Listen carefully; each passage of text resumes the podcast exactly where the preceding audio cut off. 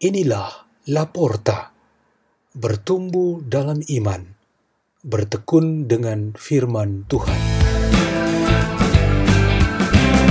Bersama saya, Suster Carolina Saltini OSU, Biarawati Ordo Santa Ursula, Provinsi Indonesia.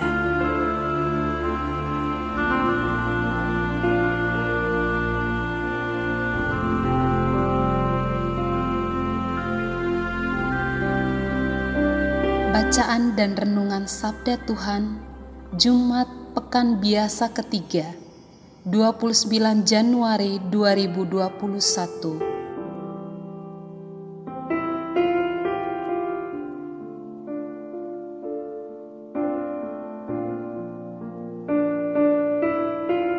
Pembacaan dari surat kepada orang Ibrani. Saudara-saudara, Ingatlah akan masa yang lalu. Sesudah kamu menerima terang, kamu banyak menderita karena kamu harus bertahan dalam perjuangan yang berat, baik waktu kamu dijadikan tontonan oleh cercaan dan penderitaan, maupun waktu kamu mengambil bagian dalam penderitaan mereka yang diperlakukan sedemikian. Memang kamu telah turut mengambil bagian dalam penderitaan orang-orang hukuman, dan ketika hartamu dirampas, kamu menerima hal itu dengan sukacita, sebab kamu tahu bahwa kamu memiliki harta yang lebih baik dan yang lebih langgeng sifatnya. Sebab itu, janganlah melepaskan kepercayaanmu, karena besarlah upah yang menantinya. Kamu sungguh memerlukan ketekunan, supaya sesudah kamu melakukan kehendak Allah, kamu memperoleh apa yang dijanjikan itu. Sebab dalam Alkitab tertulis, sedikit atau bahkan sangat sedikit waktu lagi. Dia yang ditetapkan untuk datang itu akan tiba tanpa menangguhkan kedatangannya. Tetapi orangku yang benar akan hidup oleh iman, dan apabila ia mengundurkan diri, maka aku tidak berkenan lagi kepadanya tetapi kita bukanlah orang-orang yang mengundurkan diri dan akan binasa.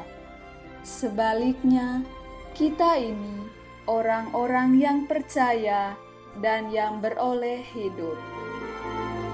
Demikianlah sabda Tuhan.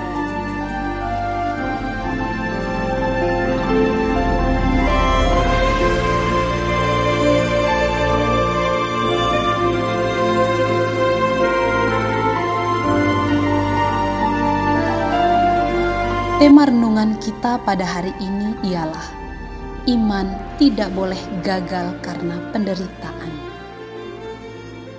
Di kamar rawat inap rumah sakit, terbaring lelaki berusia 50-an karena sakit kronis yang sudah lama. Di tangannya ada rosario sepanjang waktu. Anggota keluarga dan teman-teman berdatangan untuk mendoakannya. Keluarga menyadari bahwa semua pelayanan itu sudah maksimal.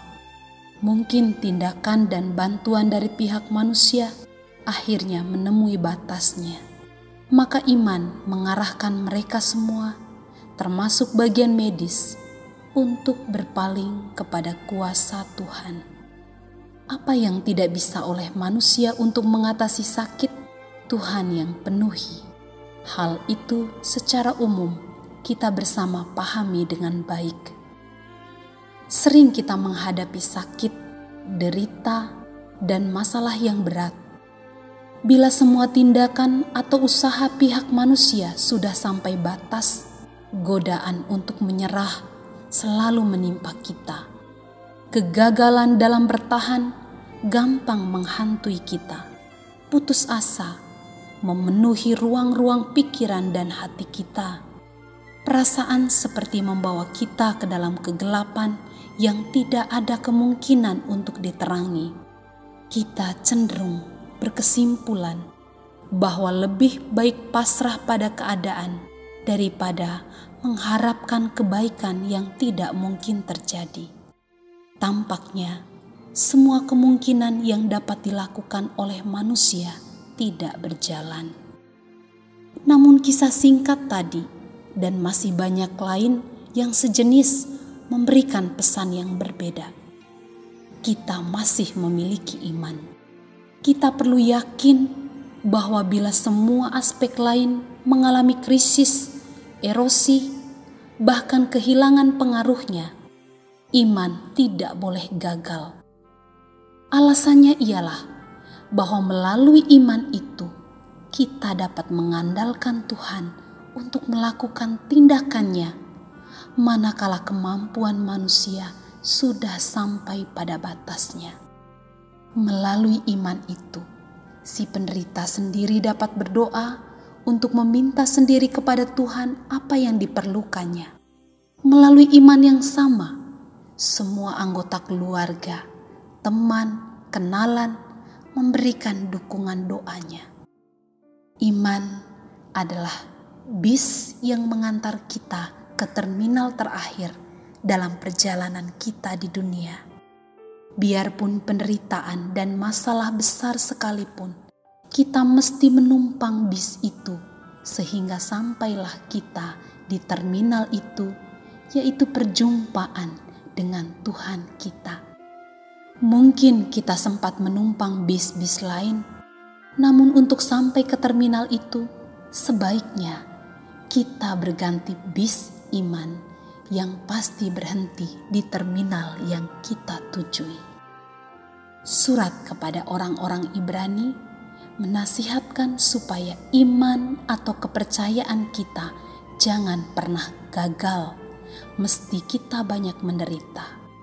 Karunia iman yang sering tidak kita sadari adalah benih yang tumbuh terus meskipun dalam diam kita perlu menggunakan itu setiap saat, teristimewa dalam saat-saat krisis hidup kita.